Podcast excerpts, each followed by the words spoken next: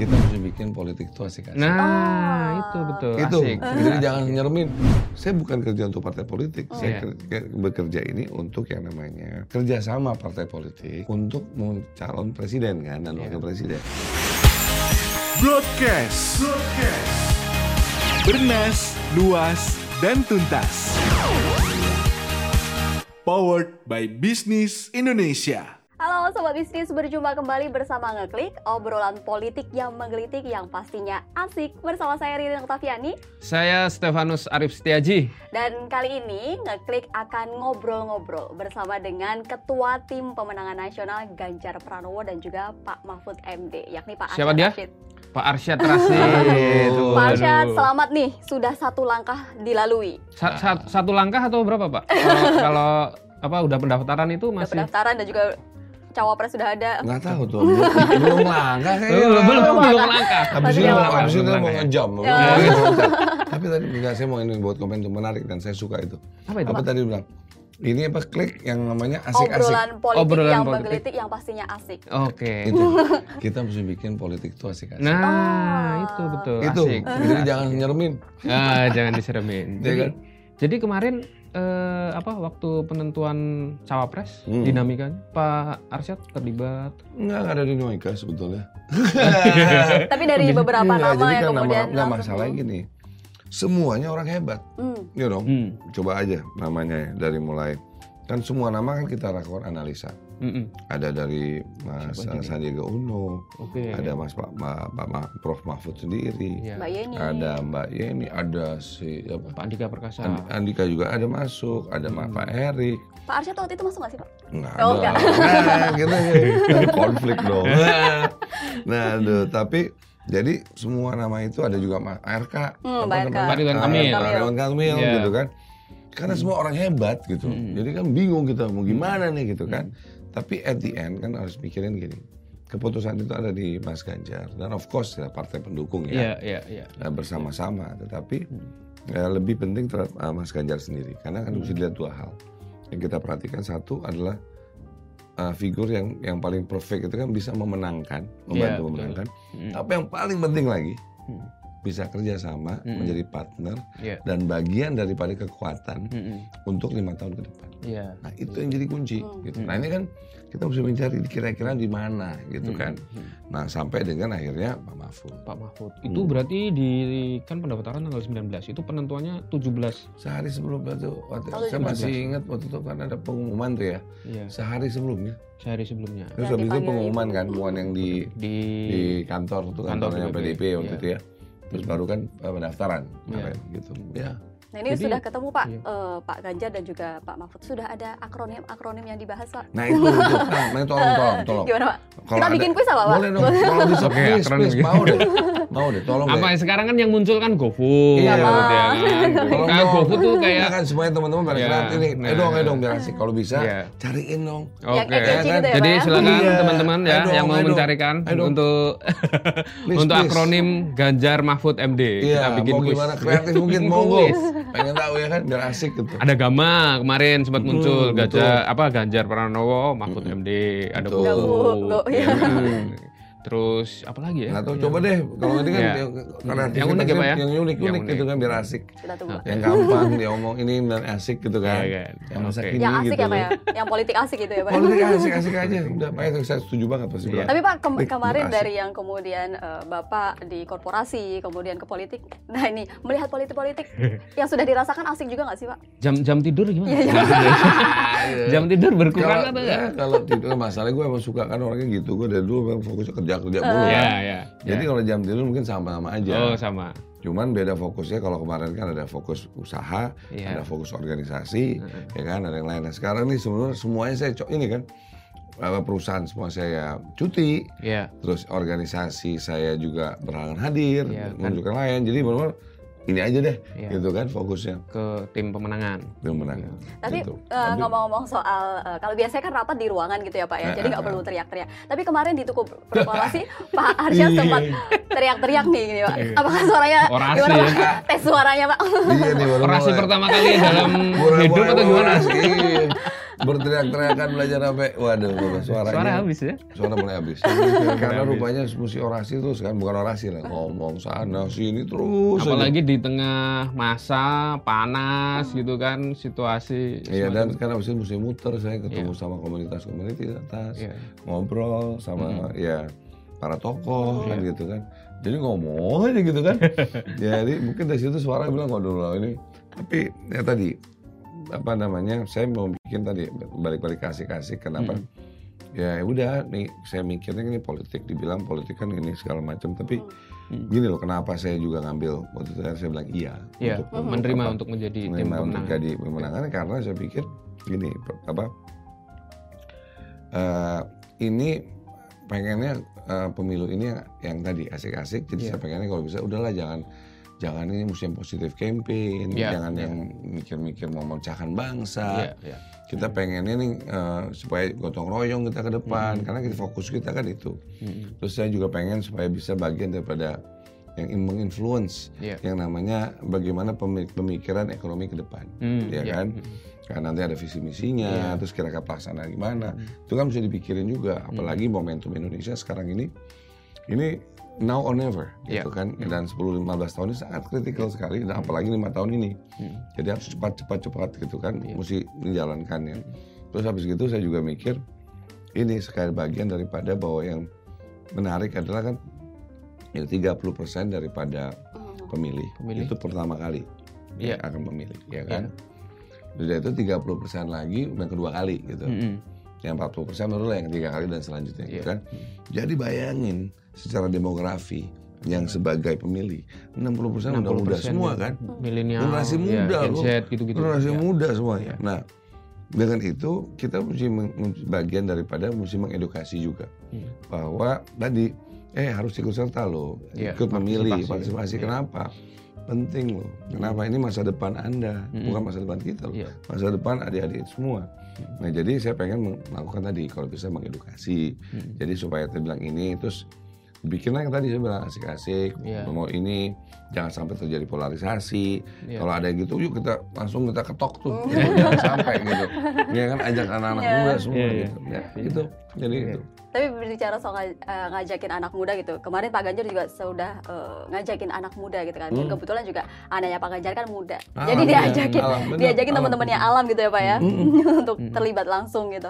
penting tuh karena kan untungnya Mas Ganjar juga punya anak Hmm. masih alam ya dan itu kan beliau juga ngerti itu dunianya alam dan beliau kan dekat sama alam ya, suka jalan sama-sama ngobrol gitu kan teman ngobrol Mas Ganjar ya alam juga menjadi cowok itu terus eh, alam suka he's very smart itu alam juga kan dia suka bercerita bagaimana gitu gitu nah itu penting so dengan demikian eh, Mas Ganjar ya itu tahu nih pikiran keinginan Keinginan ke- keinginan ke- anak apa muda sih gitu. ya. anak muda kegelisahan anak muda gitu kan makanya kemarin aja waktu pas lagi ada temu bicara tuh kan Mhm. itu bicara mengenai tanya mental health gitu kan Iya. orang pada yang stres gitu gitu kan Iya. nah itu kan bagian daripada oh knowing what happens sih oh perlu mentoring oh perlu apa nih gitu kan terus apa sih yang pengen ke depannya gitu kan digitalization misalnya kan? Karena Mas Ganjar itu saya juga kaget bahwa dulunya kan nggak tahu banyak ya. Pas setelah ini kan saya pelaj- ngobrol sama Mas Ganjar, ngelihat track recordnya Mas Ganjar, ternyata di Jawa Tengah itu banyak program beliau selama 10 tahun ini itu menggunakan digitalisasi. Hmm. dan beliau ngundang anak-anak muda suruh buat eh coba buat nih solusinya. Hmm. gitu cobain gitu kan. Nah itu ternyata cuman orangnya gitu mungkin beliau tuh nggak pernah mengungkapkan. Selalu ngomong gini nanti Google aja ya. Gitu. Karena selalu ngomong gitu. Di Google aja ya. Saya bilang mas lu ngomong lah mas. Iya. Nggak enak aku kan. Gimana? Masa ngom- ngomongin diri aku sendiri? Kan gitu. Iya. jadi di Google aja deh dia bilang gitu. Pak ini kata bilang kan mas ini mesti kita kasih tunjuk dong. Hmm. supaya anak-anak muda tahu. Ini kan eh, beliau ini udah menggunakan digitalisasi ini bukan yang ngomong-ngomong doang om do iya. gitu. Tapi sudah manggilin suruh cari solusi ini gimana. Mm-mm. dan itu suatu hal yang penting Iya. supaya anak-anak muda tahu bahwa Mm-mm. That's how open he is dan melihat ke depannya bagaimana ingin solusi Pak, gitu. kalau dari sisi ini Pak, apa namanya? keterlibatan Pak Arsyad nanti dalam penyusunan visi misi Hmm, di ikutan dong, katanya. Itu ikutan. seperti apa? Fokus Ikutan. ke ekonominya kan seperti Harus. apa kan? Makanya kan tadi saya bilang saya bagian daripada ingin menginfluence itu, Iya. ya kan. Nah, di mana ini kan kita punya tantangan banyak sekali. Iya. Oke. Kalau kita lihat tantangan yang ada pertama adalah mengenai geopolitik. Hmm. Geopolitik. kan geopolitik ini bayangin loh itu Ukraine perang ya kan? Itu kita ngeri bos hubungan antara eh, China sama siapa Amerika. Ya kan? Belum laut laut, laut Cina Selatan belum bicara ngomong Taiwan. Di sana udah di Timur Tengah udah mulai Iya. perang-perang gitu kan? Mulai gitu. Terus jadi nah ini kan ngeri. Nah jadi makanya itu gimana? Tantangan itu satu. Terus tantangan yang kedua adalah bagaimana mengenai ekonomi Hmm. ya kan untuk Indonesia tadi kita bilang to be or not to be Iya. sekarang kita udah punya visi. Hmm. Kita pengen nomor 4, nomor 5 Iya. ekonomi besar Hmm. dunia. Hmm. Gimana kita mau ke sana, ya kan? Sudah itu eh, kita kan sekarang Pak Jokowi udah bangun infrastruktur, ya kan? Infrastruktur. oke. Kita harus selesaiin infrastruktur ini, Iya. ya kan? Tapi habis itu gimana nih menggunakan ini mengoptimalisasi infrastruktur yang ada Hmm. untuk supaya bisa melakukan efisiensi Hmm. terhadap hal yang ya ujung-ujungnya itu supaya harga nggak naik kan? Iya. Kalau misalnya lebih efisien harga nggak naik kan? Iya. Daripada misalnya contoh. Nah itu kan tantangan, Hmm. tantangan yang ada yang di mana eh, kita mesti ada namanya ya apa middle income trap, ya kan bahasa Middle kerennya. Ya. untuk lu itu. Nah ini kan waktunya terus eh, middle, middle income trap, terus bicara juga mengenai apa namanya eh, demographic dividend Iya. gitu Iya. kan. Ini gimana nih kita bisa mengoptimalisasi ini? Karena apa? Momentum. Hmm. Momentum tuh doesn't come dua kali. Iya. Nah sekarang kita punya eh, punya tadi demografi bonus, punya yang namanya apa? Ya, kita juga punya peluang eh, eh, apa? eh, bicara mengenai keadaan situasi dunia ini kita Geopolitik ya eh, eh, bi- bisa di mana kita ini bisa menjadi yang menjadi apa kuda hitam lah Iya. bisa Sumber katakan. daya juga oke. Sumber daya alam besar, Ya. sumber daya manusia besar, dan paling penting apa? Trust Trust. Oke. kepercayaan yang diberikan oleh dunia kepada Indonesia nggak pernah ada. Hmm. Ini sistem paling paling paling paling dipercaya deh sekarang. Iya. Karena udah G20, udah ASEAN, Iya. jadi Pak Jokowi udah mau ke situ. Hmm. ya. Nah momentum ini kan nggak bisa, you know, it doesn't come. Iya. Mas. Jadi ini momentum yang harus eh, kita kita jalankan. Iya. Nah jadi nah ini mesti kita beresin. Hmm. Terus juga perang-perang dagang juga banyak gitu. Nah jadi ada tantangan, tapi juga ada opportunity peluang-peluang. Nah ini harus kita lakukan. Pak Arsyad juga sempat terlibat dalam ASEAN kemarin ya Pak, Mm-mm. ASEAN Bisnis kemarin tentu Betul. juga bertemu dengan calon-calon investor Indonesia Iya, betul. gitu kan, dan Betul. juga Pak Arsyad juga selaku eh, pengusaha juga di Indonesia gitu. Nah, apakah juga menyerap eh, Aspirasi ah, ya. atau Hmm. aspirasi dari apa, para Iya, masukan dari Indonesia, pengusaha masukan dari atau pengusaha? bahkan Karena mengerahkan sudah- gerbong pengusaha.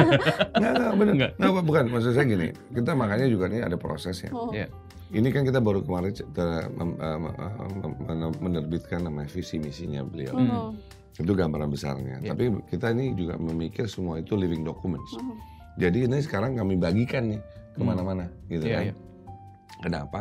Karena ingin kita milik bersama. Jadi kita minta input. Hmm. Ya, kita minta input dari semua, dari semua sektor-sektor, dari expert-expert, Hmm. dari pengusaha-pengusaha, dari profesor, semualah. Pokoknya kita minta input-input. Dan ini akan berjalan terus.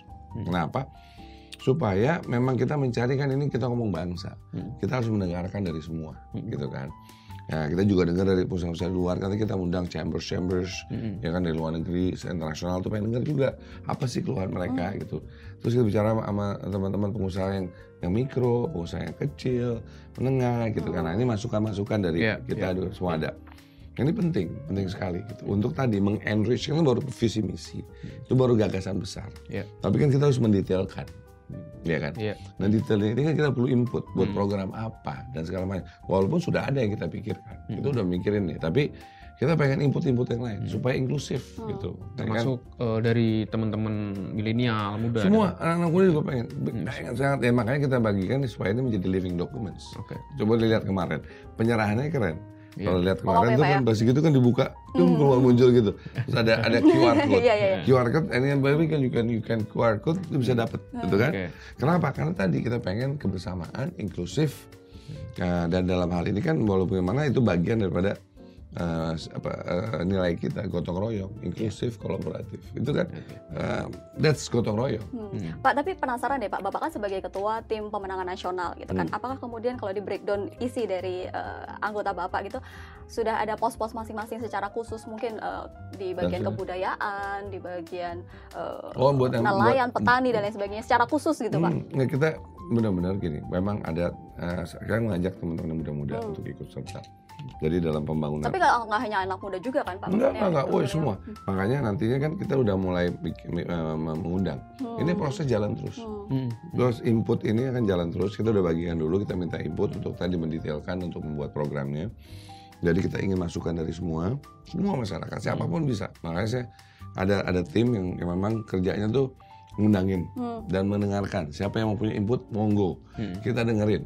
Hmm. Kita masukin dan bagusnya keren sekarang ada AI. Hmm. Jadi itu bisa kita masukin tuh ke dalam data-data. Iya. Jadi kita bisa nanti melakukan pakai AI. Jadi keren juga sih. Iya. Ini makanya saya bilang ini politik 5,0 Ya.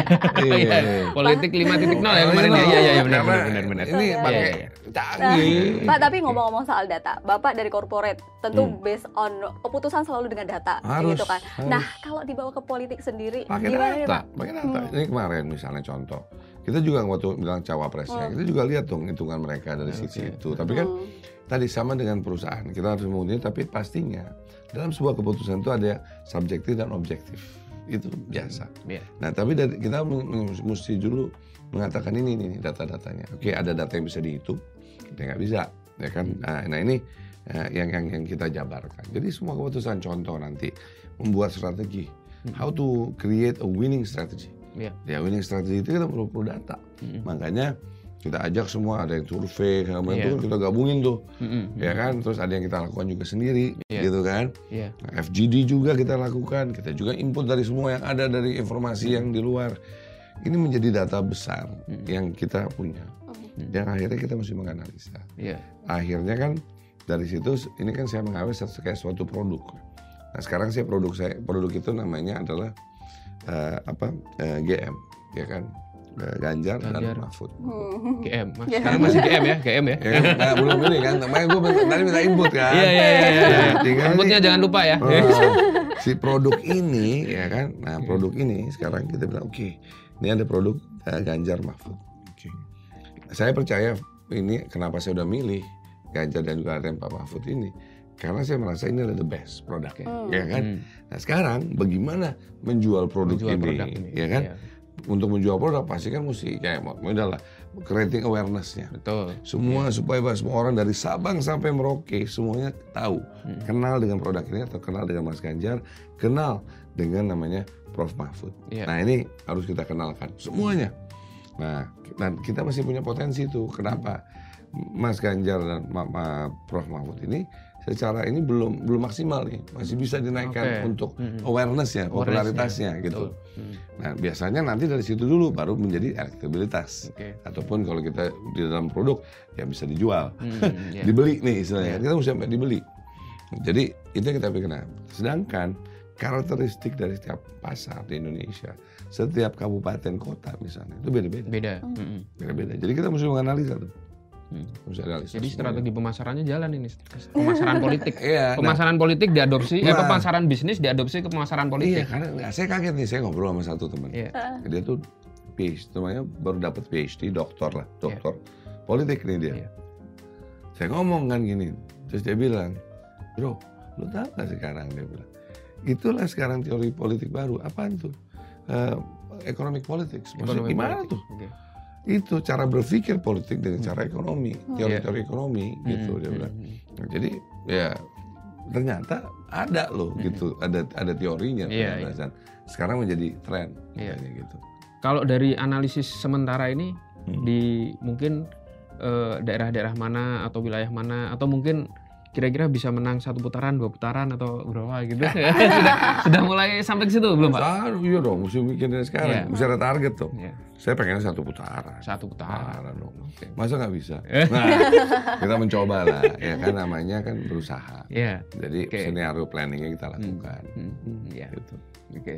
Eh, kemarin setelah putusan Mahkamah Konstitusi, Pak Jokowi juga sudah menanggapi putusan MK tersebut Hmm, gitu kan. oh yang MK. Iya gitu, tapi kemarin eh, di DPP Hmm. Mbak Puan tuh sempat ditanya oleh wartawan Hmm, dan? Mbak Mbak Puan bertanya balik nih Hmm. untuk Dukungan. dukungan Dukungan. dukungan Pak Jokowi itu ke arah mana? Nah, Mungkin kita Pak masih juga yang menunggu selama ini Pak juga Jokowi tiba ada, di iya. Indonesia, tapi mungkin sudah ada bocor apakah Pak Jokowi sudah tetap tegak lurus bersama dengan Pak Ganjar Pranowo atau seperti apa Pak? PDIP Nggak, PDIP ya. nggak. jadi kan jadi kan gini kalau mungkin Mbak Puan itu bertanya karena ditanya Hmm, Ya. ya benar. Ya. Kalau emang tanyanya itu ya coba tanya sana dong. Eh, Sebetulnya jokeng gitu kayak begitu.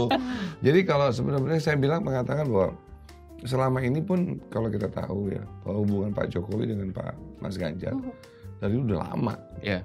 lama banget gitu loh. Secara proses dan segala macam gitu. Jadi cuman kan memang terlalu ba- banyak cerita lah ya, Ya. ada A, B, C, D dan segala macam gitu. Ya, politik Pak soalnya Nah Pak. itu. Jadi makanya banyak aku, riak. buat saya saya nggak mau pusing-pusing asumsi ya Iya. kan? Buat saya kalau udah fakta baru waktu itu saya ditanya ini gimana nih pak? Ini MK ini begini begitu saya bilang belum keluar. Ya kan? Nah akhirnya udah keluar udah keluar tanya pak gimana pak? Berarti eh, apa peraturan di situ mengatakan oh punya hak. Oke siapa punya hak? Oh berarti semua kepala daerah punya hak dong sekarang Iya, katanya iya, gitu kan? Betul. Oke. Dia bilang terus ditanya lagi Mas Gibran, ya kalau beliau mau oke gitu karena memang hak kok, ya kan. Gitu. Tapi saya nggak tahu itu, belum ada yang ngomong kok buat saya. Buat saya sih simpel. Jadi kalau belum ada bicara dan bicara sama saya, saya asumsikan tidak ada. Hmm. Dan itu harus kita lihat begitu. Jangan sampai terlalu banyak asumsi, asumsi, asumsi. Tapi kalau buat sorry buat media sih boleh juga. Iya kan? Nggak itu jadi orang punya wajah seru nih kayak Iya, seru Iya, lah. iya. Babak pertama, babak kedua, Iya. babak ketiga, asik. Iya kan? Jadi oke. Pak Arsyad juga dekat dengan eh, Pak Jokowi gitu kan Hmm. dan Pak Arsyad juga kedudukan sekarang adalah ketua tim pemenangan gitu kan. Hmm. Menurut Pak Arsyad sendiri seberapa penting dan juga besar dukungan Pak Jokowi terhadap Ganjar Pranowo ke depannya? Saya rasakan gini, ya Pak Jokowi itu kan sebagai seorang presiden. Hmm.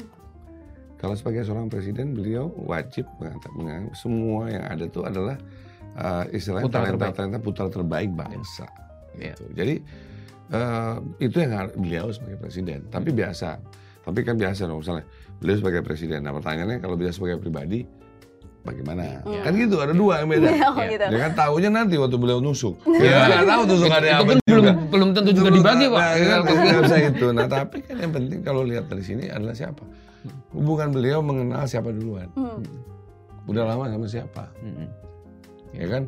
Sama-sama ya mau dibilang kan alumni Gajah Mada semua itu. Iya. Ada partainya juga sama gitu kan. Jadi kan maksud saya ada suatu proses historis. Itu kan nggak bisa di, dihilangkan tiba-tiba Iya, betul. A B C gitu kan. Pastinya kalau saya udah kenal lebih lebih apa, kenal lebih lama, sudah ngobrol lebih sering, pasti saya akan lebih dekat sama orang tersebut. Iya. Ya itu buat saya. Pak koalisinya Pak Ganjar Mahfud ini kan PDIP, kemudian Partai Hanura, Partai Perindo. Persatuan Pembangunan, kemudian Perindo, Mm-mm. gitu kan. Artinya timnya sudah terbentuk. Kemarin juga beberapa tim pemenangan ya, ada Pak Andika dan lain sebagainya. Masih ada yang mau masuk-masuk lagi gitu di Monggo. tim pemenangan gitu. Yes, karena buat saya kan tugas saya right issue kalau kayak ngomong perusahaan. Iya kan, Eh, Right jadi ini kan baru empat investor saya. Kan Iya. saya tanya-tanya, saya kerja, saya bukan kerja untuk partai politik, saya Iya. kerja- bekerja ini untuk yang namanya kerjasama partai politik untuk mau calon presiden kan dan Iya. wakil presiden. Hmm. Nah gitu. Jadi sekarang tugas saya saya kumpulin dong siapa lagi yang mau monggo. Hmm. Buat kita kan inklusif. Hmm. Siapa aja mau masuk monggo. Hmm. Ya Mau kan? ngajak teman-teman pengusaha untuk gabung juga nggak Pak? Maksudnya untuk apa tuh? Gabung di tim pemenangan. TP di- Hmm. saya undang kalau pada mau oke cuma kan Iya. mereka sekarang gini Pak, masalah itu di situ kita kadang-kadang terlalu sensitif Hmm. ntar mau ntar dibilang gue ini pro sana pro sini Oh iya. iya. aduh ini kita mesti bikin nih Hmm. mengedukasi nyantai-nyantai aja mau ke sana silakan mau ke sini silakan di mana-mana silakan ya namanya juga setiap orang kan punya perspektif punya pendapat dan keinginan dan ada pilihan pasti nggak mungkin enggak itulah demokrasi Hmm. jadi mestinya wah lu di sana ya lu sini kayak musuhan gitu jangan lah Mas saya masih ngobrol sama semuanya Iya. ada yang bantuin Mas Anies ada yang Iya. bantuin uh, Mas Wah. Bowo ya kan Iya. ada yang ini yes oke Hmm. ya kan Iya. Pak kalau ya kita berandai-andai lah, berandai-andai. Hmm, misalnya, berandai-andai misalnya Pak. Pak Ganjar sama Pak Mahfud menang gitu. Hmm, alhamdulillah berangkat, wa syukurillah Berangkat Amin, dari pengalaman berangkat dari pengalaman 2019 waktu itu kan juga eh, banyak teman-teman pengusaha yang terlibat di tim pemenangannya Hmm, Pak Jokowi Ma'ruf Ya, gitu yang ya, kemudian juga mereka mendapat hmm. eh, pos-pos menteri. Iya, iya, iya. Nah, Pak Arsyad sudah mulai menerka-nerka Maksudnya coba. menerka-nerka Saya. kira-kira ya kira-kira Waduh, itu, eh, itu saya. Saya nggak pernah mikirin. Saya, tuh- Oh, saya kayak gitu. salah orangnya gitu. Ya. Jadi kalau saya ada tugas, ya udah saya fokus aja. ya Saya percaya gini. Saya percaya bahwa jalan, jalan kehidupan kita itu sudah ditentukan oleh di atas, Hmm. oleh Tuhan yang Maha Esa ya. Oleh Tuhan. Jadi Allah itu pasti punya punya udah tahu narasi kehidupan Hmm. saya. Mm-mm. Jadi saya penting selama hidup saya saya gitu. Saya fokus kerja keras. Biasa tak di jalan aja. Hmm. Oh ntar, eh gini, eh karena mis, very misterius. Hmm. Kehidupan itu sangat misterius. Iya. Jadi saya mau fokus dengan apa yang ada di depan saya. Hmm. Saya kerja dulu. Saya kan tugasnya memenangkan. Iya. Itu dulu deh. Hmm. Baru kita pikir yang lain. baru kali ini nih tim pemenangan di atasnya mantan panglima TNI jenderal Bintang lima. Waduh satu kehormatan. Makanya bilang mas, mas Iya kan? Gimana, gimana? Jangan-jangan setelah itu kalau misalnya Pak Ganjar menang, Pak Hmm. Mahfud menang gitu, Pak Arsyad Rasid, Pak Asar Rasid jadi panglima TNI. Itu Waduh, waduh, waduh, waduh, waduh. Gimana coba? Dulu. Ya, ya, Pak, Pak, apa, tapi seru sih. Eh, eh, asiknya gini, waktu kesehatan kan udah given kan. Iya. Eh, Udah ada Mas Andika, Hmm. Ada Pak Ma- Gatot, eh, eh, Gatot. iya kan? Pak Edi eh, Gatot, oh, iya ya iya, kan? Ada Pak Gatot Edi, ada Pak apa ada Mas TGB, TGB, ya ya. kan? Mm-mm. Jadi seru nih, beda-beda Iya. gitu, ya kan? Satu tentara, satu polisi, Polisi. satu lagi pemuka ini kan. Mantan gubernur, mantan gubernur dan juga ya pemuka agama, juga agama, ya, kan. iya kan. Jadi wow interesting. Iya. Jadi saya suatu kehormatan bisa bersama dengan beliau-beliau orang-orang hebat semua gitu loh. Iya. Ya kan apa sih gua gitu kan. Ini orang jagoan semua bos. Gue bilang wah ini seru asik gitu.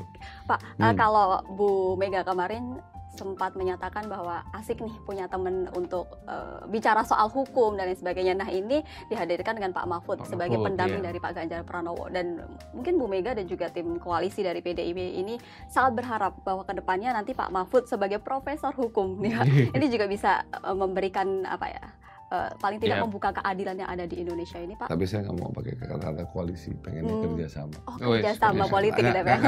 ada Iya. perbedaan Hmm. fundamental katanya. Saya juga perlu belajar. Iya. koalisi itu kayak bicara parlementer. Oke. Hmm, ya. Sedangkan kalau kerjasama itu presidensial. Hmm. Ya kita ini kan di presidensial. Nah, Presidential. kadang-kadang kita bingung nih kita parlementer atau presidensial. Nah, gitu. Kita tuh presidensial. Iya. Kalau nanti kayak itu koalisi itu kan adalah parlementer. Hmm. Digabung-gabung kayak di apa di mana untuk forming a government kayak banyak yang gagal kayak di Iya. itu kan coba forming government gitu kan kayak di Thailand kemarin tuh ya. gabung-gabungin coba gabungin ya kan Hmm. itu parlementer gitu Iya. kita enggak kita Makanya sampai sekarang juga nggak ada Iya nama dan kebanyakan ya ya? transaksi. Hmm. Ya, mau gimana? Mau apa? Kursi mana sih menteri? Nah ini kalau ini kan nggak kerja sama. Jadi nyantai-nyantai presiden yang kita ini kan. Eh, eh jadi lupa aja pertanyaan apa tadi? Koalisi soal Koalisi. Jadi kan kalau kerjasamanya. Iya, Ya, kerjasamanya, ya, ya. kerjasama. Kenapa kenapa tadi? tadi Oh. jadi Soal hukum Pak. Oh, Iya. ya, ya, gini, sorry. Eh, gini, it- gini kan kita melihat strategi ke depan. Hmm. Dan apa yang kita ingin. Pertama, bahwa kita ingin Indonesia unggul. Hmm. Untuk Indonesia unggul ini pertama manusianya. Ya. Manusianya harus unggul. Yang tadi harus sehat, Hmm. harus berpendidikan. Hmm. Pendidikannya juga yang punya skill yang tepat, yang bisa digunakan misalnya. Dan yang inovatif dan segala macam. Nah, tapi yang paling penting juga di dalam eh, ini adalah mengenai hukum. Yaitu mengenai apa? Dua hal yang bisa dilakukan. Pertama, ya kan, bahwa dengan adanya eh, ke depan ini kita harus mikirin omnibus omnibus lain lagi Oh. supaya Oke. supaya bisa lebih baik lagi Hmm. supaya yang in, apa, inefisiensi harus kita hilangkan. Hmm. Tapi yang lebih ini lagi adalah bagaimana memastikan kepastian hukum. Iya. Oke. Penting itu buat penting sekali, ya kan? investasi. Untuk investasi bicara korupsi itu segala macam ini kan harus kita harus ini negara kita harus naik kelas terus, gitu kan? Kita kan berproses secara demokrasi. Nah, nah dengan dengan karena ingin ke- salah satu yang utama kan adalah kepastian hukum ke depan. Karena kayak pengusaha misalnya atau pen- semua orang lah. Semua kita pengen keadilan. Untuk ada keadilan itu dari mana? Ya penegakan hukum. Ya dong yang fair. Ya kan? Jangan dilihat yang ini wah pakai decking kan nggak bisa nih gitu gitu lagi. Mesti yang fair. Nah untuk itu seorang Pak Maaf Prof Mahfud ini adalah figur yang cocok untuk untuk bekerja sama memikirkan itu Iya. dan memastikan proses tadi gitu kepastian karena investor juga komplainnya gitu semuanya ini gimana mengenai kepastian hukum Kepastian. ya kan semua bertanya malahan aduh kadang-kadang kita malu loh arbitrase gitu ya dua perusahaan masa pakai arbitrase Singapura Hmm. Iya. nggak pakai Iya, di iya, iya. Indonesia kan malu ya Hmm. Iya. kan kayak gitu loh gitu kan belum nanti urusan apa hukum diperdagangkan istilahnya quote and quote gitu oleh oknum-oknum. Kayak gini kan harus selesai lah, kita bisa naik kelas gitu. Nah itu menjadi hal utama. Jadi satu adalah kesejahteraan, kemakmuran, dan keadilan. Nah ini kalau keadilan kan konteks ini gitu. Gitu. Karena kalau sudah adil itu bisa memberikan kesejahteraan kepada masyarakat. Enggak, kepada bukan ya. kesejahteraan itu harus ada dulu karena saya cuannya. Hmm. Karena cuan ada kesejahteraan. Untuk itu cuan itu saya. mesti ada apa? Ekonomi mesti naik. Eh, Semua mesti berusaha. Iya. Dapat itu barulah ada kesejahteraan. Iya. Ya kan? Baru kesejahteraan tapi kita pastikan kesejahteraan kemakmuran itu yang adil. Berarti merata. Nggak boleh yang kaya kaya terus nggak Hmm. bisa. Karena kita tuh sebetulnya manut menurut saya nih itu ekonomi Pancasila, Hmm. ekonomi gotong royong, ekonomi Nusantara. Itu apa?